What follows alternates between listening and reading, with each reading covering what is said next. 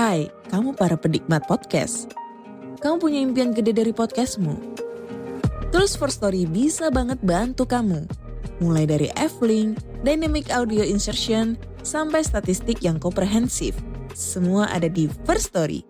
Gak ketinggalan kamu bisa monetisasi podcastmu lewat iklan dari First Story Ads yang bisa kasih kamu penghasilan dari setiap place podcastmu.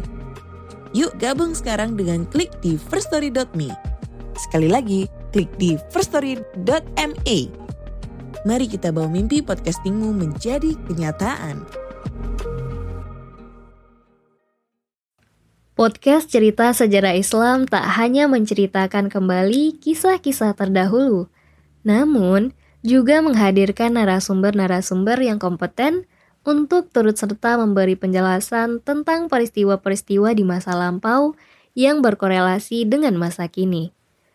Untuk merealisasikan hal tersebut, cerita sejarah Islam menghadirkan segmen Meet the Expert.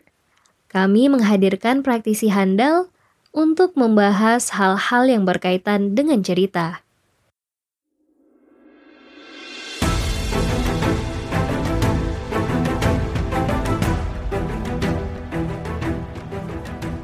Teman-teman, di cerita serial kisah Nabi Hud, kita telah mengetahui bahwa Allah mengazab kaum Ad dengan badai dan angin topan yang menghancurkan. Peradaban yang mereka bangga-banggakan hancur dalam seketika. Badai dan angin yang menghancurkan kaum Ad dibawa oleh awan hitam yang dipilih mereka sendiri. Cerita lengkapnya bisa kamu simak di cerita ke-65 yang berjudul Azab Kaum Ad, Awan Hitam yang Menghancurkan. Dalam tinjauan sains, pembahasan mengenai awan dibahas dalam keilmuan klimatologi loh. Untuk itu, dalam segmen Midi Expert kali ini, cerita sejarah Islam menghadirkan saintis ternama Indonesia di bidang klimatologi. Dr. Erma Yuli Hastin namanya. Yuk kita kenalan dulu sama Bu Erma. Halo, Assalamualaikum Bu Erma. Boleh memperkenalkan diri dulu Bu? Waalaikumsalam warahmatullahi wabarakatuh. Halo sahabat setia CSI. Kenalin ya, saya Irma Yuli Hastin. Saya ibu dari satu putra dan dua putri. Anak pertama saya sudah menjadi mahasiswa di Institut Teknologi Bandung. Oh ya, saya bekerja sebagai peneliti ahli utama di Pusat Riset Iklim dan Atmosfer Badan Riset dan Inovasi Nasional BRIN. Dulu saya bekerja di LAPAN, Lembaga Penerbangan dan Antariksa Nasional, sejak tahun 2008. Bidang kepakaran saya adalah klimatologi dan perubahan iklim. Bu Erma, dalam serial kisah Nabi Hud diceritakan bahwa sebelum diazab dengan badai, kaum Ad dilanda kemarau yang panjang – mereka akhirnya pergi ke Mekah untuk berdoa. Untuk menjawab doa kaum Ad, Allah menghadirkan tiga awan untuk dipilih. Satu berwarna putih, satu merah, dan satunya lagi hitam. Pada akhirnya, kaum Ad memilih awan berwarna hitam karena dianggap mengandung banyak air. Dari cuplikan kisah tersebut, Apakah boleh dijelaskan Bu mengenai ketiga awan tersebut dalam tinjauan keilmuan klimatologi? Wah, pertanyaannya cukup sulit ya.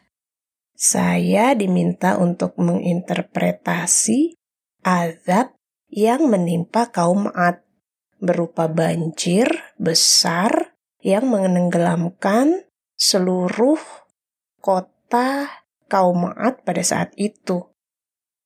Dan hujan deras itu dipicu oleh pembentukan awan yang berwarna hitam kelam. Begitu kira-kira ya? Hmm, baik. Jadi begini, kalau dalam ilmu meteorologi, klasifikasi awan itu sudah dilakukan sejak zaman yang sangat lama, sejak Aristoteles. Hmm, tahu kan ya Aristoteles itu siapa? Aristoteles itu berguru kepada Plato dia adalah seorang filsuf yang awal-awal sekali ilmu meteorologi itu dicetuskan oleh beliau Aristoteles ini. dengan membuat sebuah buku yang berjudul Meteorologika. Di buku itu ia bercerita tentang apa pun benda yang melayang-layang di atmosfer, berasal dari bahasa Yunani meteor. Nah, dari kata meteor itulah yang berarti melayang-layang di angkasa, maka kata meteorologi itu berasal. Kembali kepada klasifikasi awan. Awan digolongkan berdasarkan ketinggiannya. Tapi itu sederhananya ya. Tapi sekarang ilmu tentang awan sudah berkembang sangat pesat dan sangat detail. Sehingga penamaan awan itu sudah sangat kompleks dan detail yang menunjukkan perkembangan peradaban manusia sekaligus perkembangan ilmu meteorologi. Sehingga kalau kita hanya bicara soal awan dari sisi warna, hitam, merah, putih, sebenarnya itu bagian yang paling kecil dari klasifikasi awan yang bisa dilihat. Padahal awan itu diukur dari beberapa parameter fisik yang secara meteorologis banyak banget yang bisa diukur. Mulai dari suhunya, mulai dari tekanannya, mulai dari butiran-butiran yang terkandung di dalamnya, apakah itu berupa es, ataukah air, ataukah uap, ataukah air tetapi yang memiliki suhu di bawah 0 derajat. Jadi intinya sangat kompleks teman-teman. Nah, karena saya diminta untuk menginterpretasi, uh, akan saya coba. Yang dimaksud dengan awan hitam itu ketika partikel-partikel di dalam awan yang berbagai jenis itu, mulai dari ada yang berbentuk gas, ada yang berbentuk uap tadi ya, gas itu uap. Ada yang bentuknya adalah kristal-kristal kecil, salju. Ada yang kristal es atau salju tadi itu ya. Kemudian ada yang bentuknya es bulat-bulat besar, ada yang berbentuk air dan lain sebagainya. Nah, warna hitam itu menunjukkan partikel-partikel yang ada di dalam awan itu besar-besar, baik itu esnya maupun partikel airnya. Jadi diameternya sudah membesar. Karena di dalam awan itu ada proses tumbukan satu sama lain dari berbagai molekul uh, udara yang terbentuk di dalam awan itu. Karena ada berbagai gerakan, percampuran, pertumbukan, penyatuan, penggabungan, pemisahan, dan sebagainya. Sehingga ketika semakin abu, lalu semakin menghitam warnanya, itu menunjukkan kalau partikel-partikel es mulai menggabung menjadi besar, lalu ada juga partikel airnya.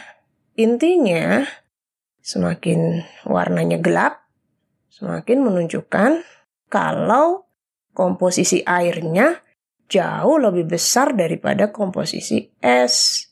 Sehingga punya daya yang kuat untuk menghasilkan air hujan yang semakin berlimpah. Ini yang membedakan warna pada awan. Dibandingkan dengan warna yang putih, bersih, kemilau, itu menunjukkan esnya kecil-kecil. Nah, kalau kita interpretasi pada klasifikasi jenis awan, maka awan hitam kelabu tadi bisa dikatakan dengan awan badai cumulonimbus. Itu merupakan awan menara karena ia tumbuh dari awan kumulus yang kecil-kecil, awan rendah dari bawah, dan dia tumbuh vertikal terus e, menembus dari lapisan rendah, lapisan menengah, lapisan tinggi, karena sebenarnya awan digolongkan berdasarkan ketinggiannya. Ada awan rendah, awan menengah, dan awan tinggi. Tetapi hanya awan menara cumulonimbus saja yang dikatakan sebagai awan vertikal yang tumbuh dari lapisan yang paling rendah di permukaan menembus sampai bisa ketinggian lebih dari 10 atau bahkan mencapai 15 km yang merupakan ketinggian tropopause. Kita tahu bahwa tropopause itu adalah lapisan antara troposfer dan stratosfer. Dan 70% awan dan hujan itu terbentuk di lapisan yang paling rendah dari atmosfer yaitu lapisan troposfer. Jadi kembali pada uh, warna awan yang tadi disebut uh, awan hitam itu menunjukkan awan badai karena ia merupakan representasi dari awan cumulonimbus. Sementara awan yang putih menunjukkan awan tipis-tipis yang juga disebut sebagai awan tinggi dia bisa berbentuk sirus maupun sirocumulus. Warna putih itu menunjukkan esnya kecil-kecil dan biasanya tipis serta tidak mendatangkan air hujan dalam jumlah besar. Sementara yang ketiga ada awan yang berwarna merah. Awan yang berwarna merah ini sebenarnya adalah awan biasa. Dia bisa berupa awan yang cukup merata di atmosfer yang bisa dikatakan juga sebagai awan stratus. Awan stratus ini adalah awan yang menengah. Dia ada di lapisan antara 2 sampai 3 km. Tampak di langit sangat rata, sangat uh, melingkupi seluruh uh, angkasa begitu. Dan stratus ini kalau di senja hari dia bisa membuat langit berwarna kemerah-merahan. Karena pada dasarnya stratus ini adalah awan yang menyatu dengan atmosfer dan tumbuhnya merata melingkupi seluruh langit. Sehingga itu menunjukkan stratus ini adalah awan yang biasa terjadi, tidak mendatangkan hujan badai ataupun angin kencang, begitu ya uh, yaitu awan yang biasa-biasa saja saya kira dan tidak mendatangkan malapetaka. Pada akhirnya, awan hitam yang dipilih mengandung bencana yang sangat besar hingga bisa menewaskan ratusan orang dan merobohkan bangunan-bangunan. Sebenarnya, apakah memang awan hitam itu bisa menghasilkan bencana sebesar itu, Bu? tadi yang dikatakan sebagai awan cumulonimbus, semua jenis cuaca ekstrim bisa muncul dari awan itu.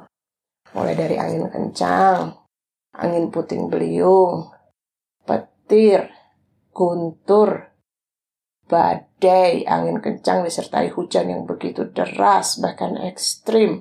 Semua komplit ada di dalam awan yang berwarna hitam. Karena itu, awan hitam yang dipilih oleh kaum Ma'at ini menjadi simbol datangnya mara bahaya maupun malapetaka. Meskipun demikian, cerita itu bisa jadi merupakan simbol atau sastra yang menegaskan bahwa umat di umatnya Nabi Hud yang ada di Ad atau disebut dengan kaum Ad itu lebih memilih berada dalam kondisi yang mendatangkan malapetaka bagi kehidupan mereka dibandingkan dengan memilih hidup dalam kondisi yang dinaungi oleh awan yang nyaman dan tenang untuk kehidupan mereka. Karena simbol awan hitam tadi adalah simbol dari malapetaka. Sementara warna merah maupun putih itu simbol dari ketenangan, kenyamanan, keindahan, dan kedamaian. Saya kira jalan hidup dan pilihan kehidupan yang telah dipilih oleh kaum Ad sudah menyiratkan bahwa karena mereka memilih jalan hidup yang jauh dari firman Allah, tidak mau patuh kepada nabinya, maka sebenarnya kehidupan mereka itu erat kaitannya dengan pilihan untuk mendatangkan malapetaka buat hidup mereka. Saya kira seperti itu ya jawaban dari saya. Wah, menarik ya teman-teman. Ternyata awan yang disebutkan dalam serial kisah Nabi Hud punya nama ilmiah juga. Awan putih nama ilmiahnya cumulus, yang warna merah nama ilmiahnya stratus, dan awan warna hitam adalah cumulonimbus. Awan hitam atau cumulonimbus ini menurut penelitian memang dapat memicu cuaca ekstrim. Awan ini dapat membawa petir, tornado, bahkan menyebabkan banjir. Gak heran kalau awan cumulonimbus ini akhirnya bisa menghancurkan peradaban kaum Ad. Semoga kita terhindar dari keganasan awan cumulonimbus ya. Dan semoga kita dijauhkan dari sifat buruk yang dimiliki oleh kaum Ad. Serial kisah Nabi Hud bagian keempat cukup sampai di sini ya. Wassalamualaikum warahmatullahi wabarakatuh.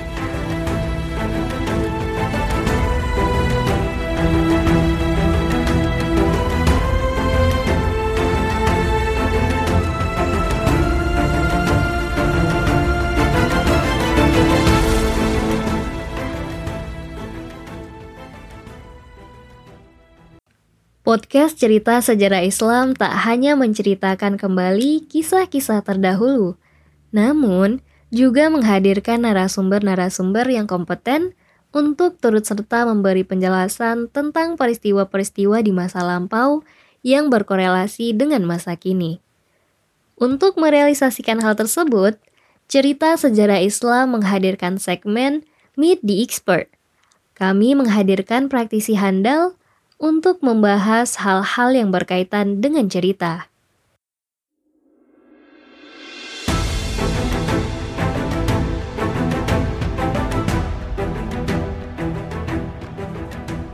Teman-teman, di cerita serial kisah Nabi Hud, kita telah mengetahui bahwa Allah mengazab kaum Ad dengan badai dan angin topan yang menghancurkan.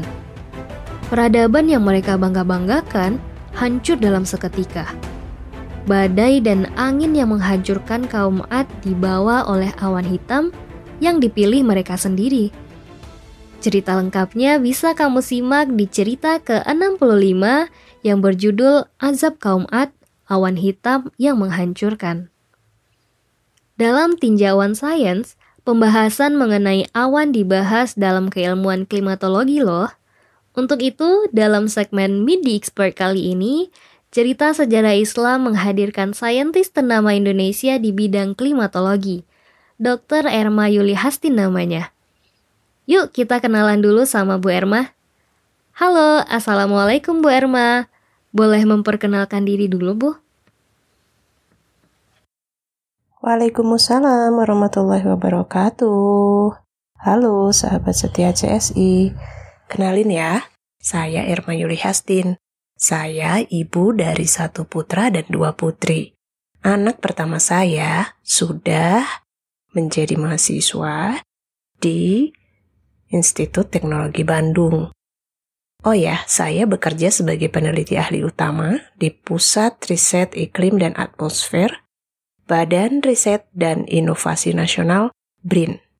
Dulu saya bekerja di Lapan, Lembaga Penerbangan dan Antariksa Nasional sejak tahun 2008. Bidang kepakaran saya adalah klimatologi dan perubahan iklim. Bu Erma, dalam serial kisah Nabi Hud diceritakan bahwa sebelum diazab dengan badai, kaum Ad dilanda kemarau yang panjang. Mereka akhirnya pergi ke Mekah untuk berdoa. Untuk menjawab doa kaum Ad, Allah menghadirkan tiga awan untuk dipilih. Satu berwarna putih, satu merah, dan satunya lagi hitam. Pada akhirnya, kaum Ad memilih awan berwarna hitam karena dianggap mengandung banyak air. Dari cuplikan kisah tersebut, apakah boleh dijelaskan Bu mengenai ketiga awan tersebut dalam tinjauan keilmuan klimatologi? Wah, pertanyaannya cukup sulit ya. Saya diminta untuk menginterpretasi azab yang menimpa kaum Ad berupa banjir besar yang menenggelamkan seluruh kota kaum Ad pada saat itu. Dan hujan deras itu dipicu oleh pembentukan awan yang berwarna hitam kelam. Begitu kira-kira ya? Hmm, baik. Jadi begini, kalau dalam ilmu meteorologi, klasifikasi awan itu sudah dilakukan sejak zaman yang sangat lama, sejak Aristoteles. Hmm, tahu kan ya Aristoteles itu siapa? Aristoteles itu berguru kepada Plato. Dia adalah seorang filsuf yang awal-awal sekali ilmu meteorologi itu dicetuskan oleh beliau Aristoteles ini dengan membuat sebuah buku yang berjudul Meteorologika. Di buku itu ia bercerita tentang apa pun benda yang melayang-layang di atmosfer berasal dari bahasa Yunani meteor. Nah, dari kata meteor itulah yang berarti melayang-layang di angkasa, maka kata meteorologi itu berasal. Kembali kepada klasifikasi awan. Awan digolongkan berdasarkan ketinggiannya. Tapi itu sederhananya ya. Tapi sekarang ilmu tentang awan sudah berkembang sangat pesat dan sangat detail. Sehingga penamaan awan itu sudah sangat kompleks dan detail yang menunjukkan perkembangan peradaban manusia sekaligus perkembangan ilmu meteorologi. Sehingga kalau kita hanya bicara soal awan dari sisi warna, hitam, merah, putih, sebenarnya itu bagian yang paling kecil dari klasifikasi awan yang bisa dilihat. Padahal awan itu diukur dari beberapa parameter fisik yang secara meteorologis banyak banget yang bisa diukur mulai dari suhunya, mulai dari tekanannya, mulai dari butiran-butiran yang terkandung di dalamnya, apakah itu berupa es, ataukah air, ataukah uap, ataukah air tetapi yang memiliki suhu di bawah 0 derajat. Jadi intinya sangat kompleks teman-teman. Nah, karena saya diminta untuk menginterpretasi, uh, akan saya coba. Yang dimaksud dengan awan hitam itu ketika partikel-partikel di dalam awan yang berbagai jenis itu, mulai dari ada yang berbentuk gas, ada yang berbentuk uap tadi ya, gas itu uap. Ada yang bentuknya adalah kristal-kristal kecil, salju, ada yang kristal es atau salju tadi itu ya. Kemudian ada yang bentuknya es bulat-bulat besar, ada yang berbentuk air dan lain sebagainya. Nah, warna hitam itu menunjukkan partikel-partikel yang ada di dalam awan itu besar-besar. Baik itu esnya maupun partikel airnya. Jadi diameternya sudah membesar karena di dalam awan itu ada proses tumbukan satu sama lain dari berbagai molekul uh, udara yang terbentuk di dalam awan itu karena ada berbagai gerakan, percampuran, pertumbukan, penyatuan, penggabungan, pemisahan dan sebagainya. Sehingga ketika semakin abu lalu semakin menghitam warnanya, itu menunjukkan kalau partikel-partikel es mulai menggabung menjadi besar, lalu ada juga partikel airnya. Intinya, semakin warnanya gelap, semakin menunjukkan kalau komposisi airnya jauh lebih besar daripada komposisi es. Sehingga punya daya yang kuat untuk menghasilkan air hujan yang semakin berlimpah. Ini yang membedakan warna pada awan. Dibandingkan dengan warna yang putih, bersih, kemilau, itu menunjukkan esnya kecil-kecil. Nah, kalau kita interpretasi pada klasifikasi jenis awan, maka awan hitam kelabu tadi bisa dikatakan dengan awan badai cumulonimbus. Itu merupakan awan menara karena ia tumbuh dari awan cumulus yang kecil-kecil, awan rendah dari bawah, dan dia tumbuh vertikal terus e, menembus dari lapisan rendah, lapisan menengah, lapisan tinggi, karena sebenarnya awan digolongkan berdasarkan ketinggiannya. Ada awan rendah, awan menengah, dan awan tinggi. Tetapi hanya awan menara cumulonimbus saja yang dikatakan sebagai awan vertikal yang tumbuh dari lapisan yang paling rendah di permukaan menembus sampai bisa ketinggian lebih dari 10 atau bahkan mencapai 15 km yang merupakan ketinggian tropopause. Kita tahu bahwa tropopause itu adalah lapisan antara troposfer dan stratosfer. Dan 70% awan dan hujan itu terbentuk di lapisan yang paling rendah dari atmosfer yaitu lapisan troposfer. Jadi, kembali pada uh, warna awan yang tadi disebut uh, Awan hitam itu menunjukkan awan badai karena ia merupakan representasi dari awan cumulonimbus. Sementara awan yang putih menunjukkan awan tipis-tipis yang juga disebut sebagai awan tinggi. Dia bisa berbentuk sirus maupun sirocumulus. Warna putih itu menunjukkan esnya kecil-kecil dan biasanya tipis serta tidak mendatangkan air hujan dalam jumlah besar. Sementara yang ketiga ada awan yang berwarna merah. Awan yang berwarna merah ini sebenarnya adalah awan biasa. Dia bisa berupa awan yang cukup merata di atmosfer yang bisa dikatakan juga sebagai awan stratus. Awan stratus ini adalah awan yang menengah. Dia ada di lapisan antara 2 sampai 3 km tampak di langit sangat rata, sangat uh, melingkupi seluruh uh, angkasa begitu. Dan stratus ini kalau di senja hari dia bisa membuat langit berwarna kemerah-merahan.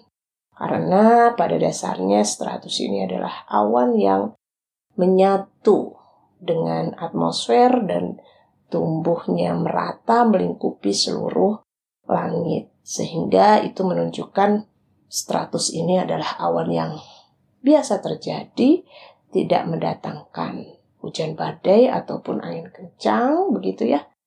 Uh, yaitu awan yang biasa-biasa saja, saya kira, dan tidak mendatangkan malapetaka. Pada akhirnya, Awan hitam yang dipilih mengandung bencana yang sangat besar hingga bisa menewaskan ratusan orang dan merobohkan bangunan-bangunan. Sebenarnya, apakah memang awan hitam itu bisa menghasilkan bencana sebesar itu, Bu?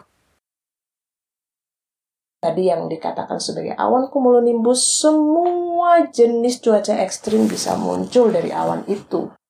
Mulai dari angin kencang, angin puting beliung, petir, guntur, badai, angin kencang disertai hujan yang begitu deras bahkan ekstrim. Semua komplit ada di dalam awan yang berwarna hitam. Karena itu, awan hitam yang dipilih oleh kaum Ma'at ini menjadi simbol datangnya mara bahaya maupun malapetaka. Meskipun demikian, cerita itu bisa jadi merupakan simbol atau sastra yang menegaskan bahwa umat di umatnya Nabi Hud yang ada di Ad atau disebut dengan kaum Ad itu lebih memilih berada dalam kondisi yang mendatangkan malapetaka bagi kehidupan mereka dibandingkan dengan memilih hidup dalam kondisi yang dinaungi oleh awan yang nyaman dan tenang untuk kehidupan mereka. Karena simbol awan hitam tadi adalah simbol dari malapetaka. Sementara warna merah maupun putih itu simbol dari ketenangan, kenyamanan, keindahan, dan kedamaian. Saya kira jalan hidup dan pilihan kehidupan yang telah dipilih oleh kaum Ad sudah menyiratkan bahwa karena mereka memilih jalan hidup yang jauh dari firman Allah, tidak mau patuh kepada nabinya, maka sebenarnya kehidupan mereka itu erat kaitannya dengan pilihan untuk mendatangkan malapetaka buat hidup mereka. Saya kira seperti itu ya jawaban dari saya. Wah, menarik ya teman-teman. Ternyata awan yang disebutkan dalam serial kisah Nabi Hud punya nama ilmiah juga. Awan putih nama ilmiahnya cumulus, yang warna merah nama ilmiahnya stratus, dan awan warna hitam adalah cumulonimbus. Awan hitam atau cumulonimbus ini menurut penelitian memang dapat memicu cuaca ekstrim. Awan ini dapat membawa petir, tornado, bahkan menyebabkan banjir. Gak heran kalau awan cumulonimbus ini akhirnya bisa menghancurkan peradaban kaum Ad. Semoga kita terhindar dari keganasan awan cumulonimbus ya. Dan semoga kita dijauhkan dari sifat buruk yang dimiliki oleh kaum Ad. Serial kisah Nabi Hud bagian keempat cukup sampai di sini ya. Wassalamualaikum warahmatullahi wabarakatuh.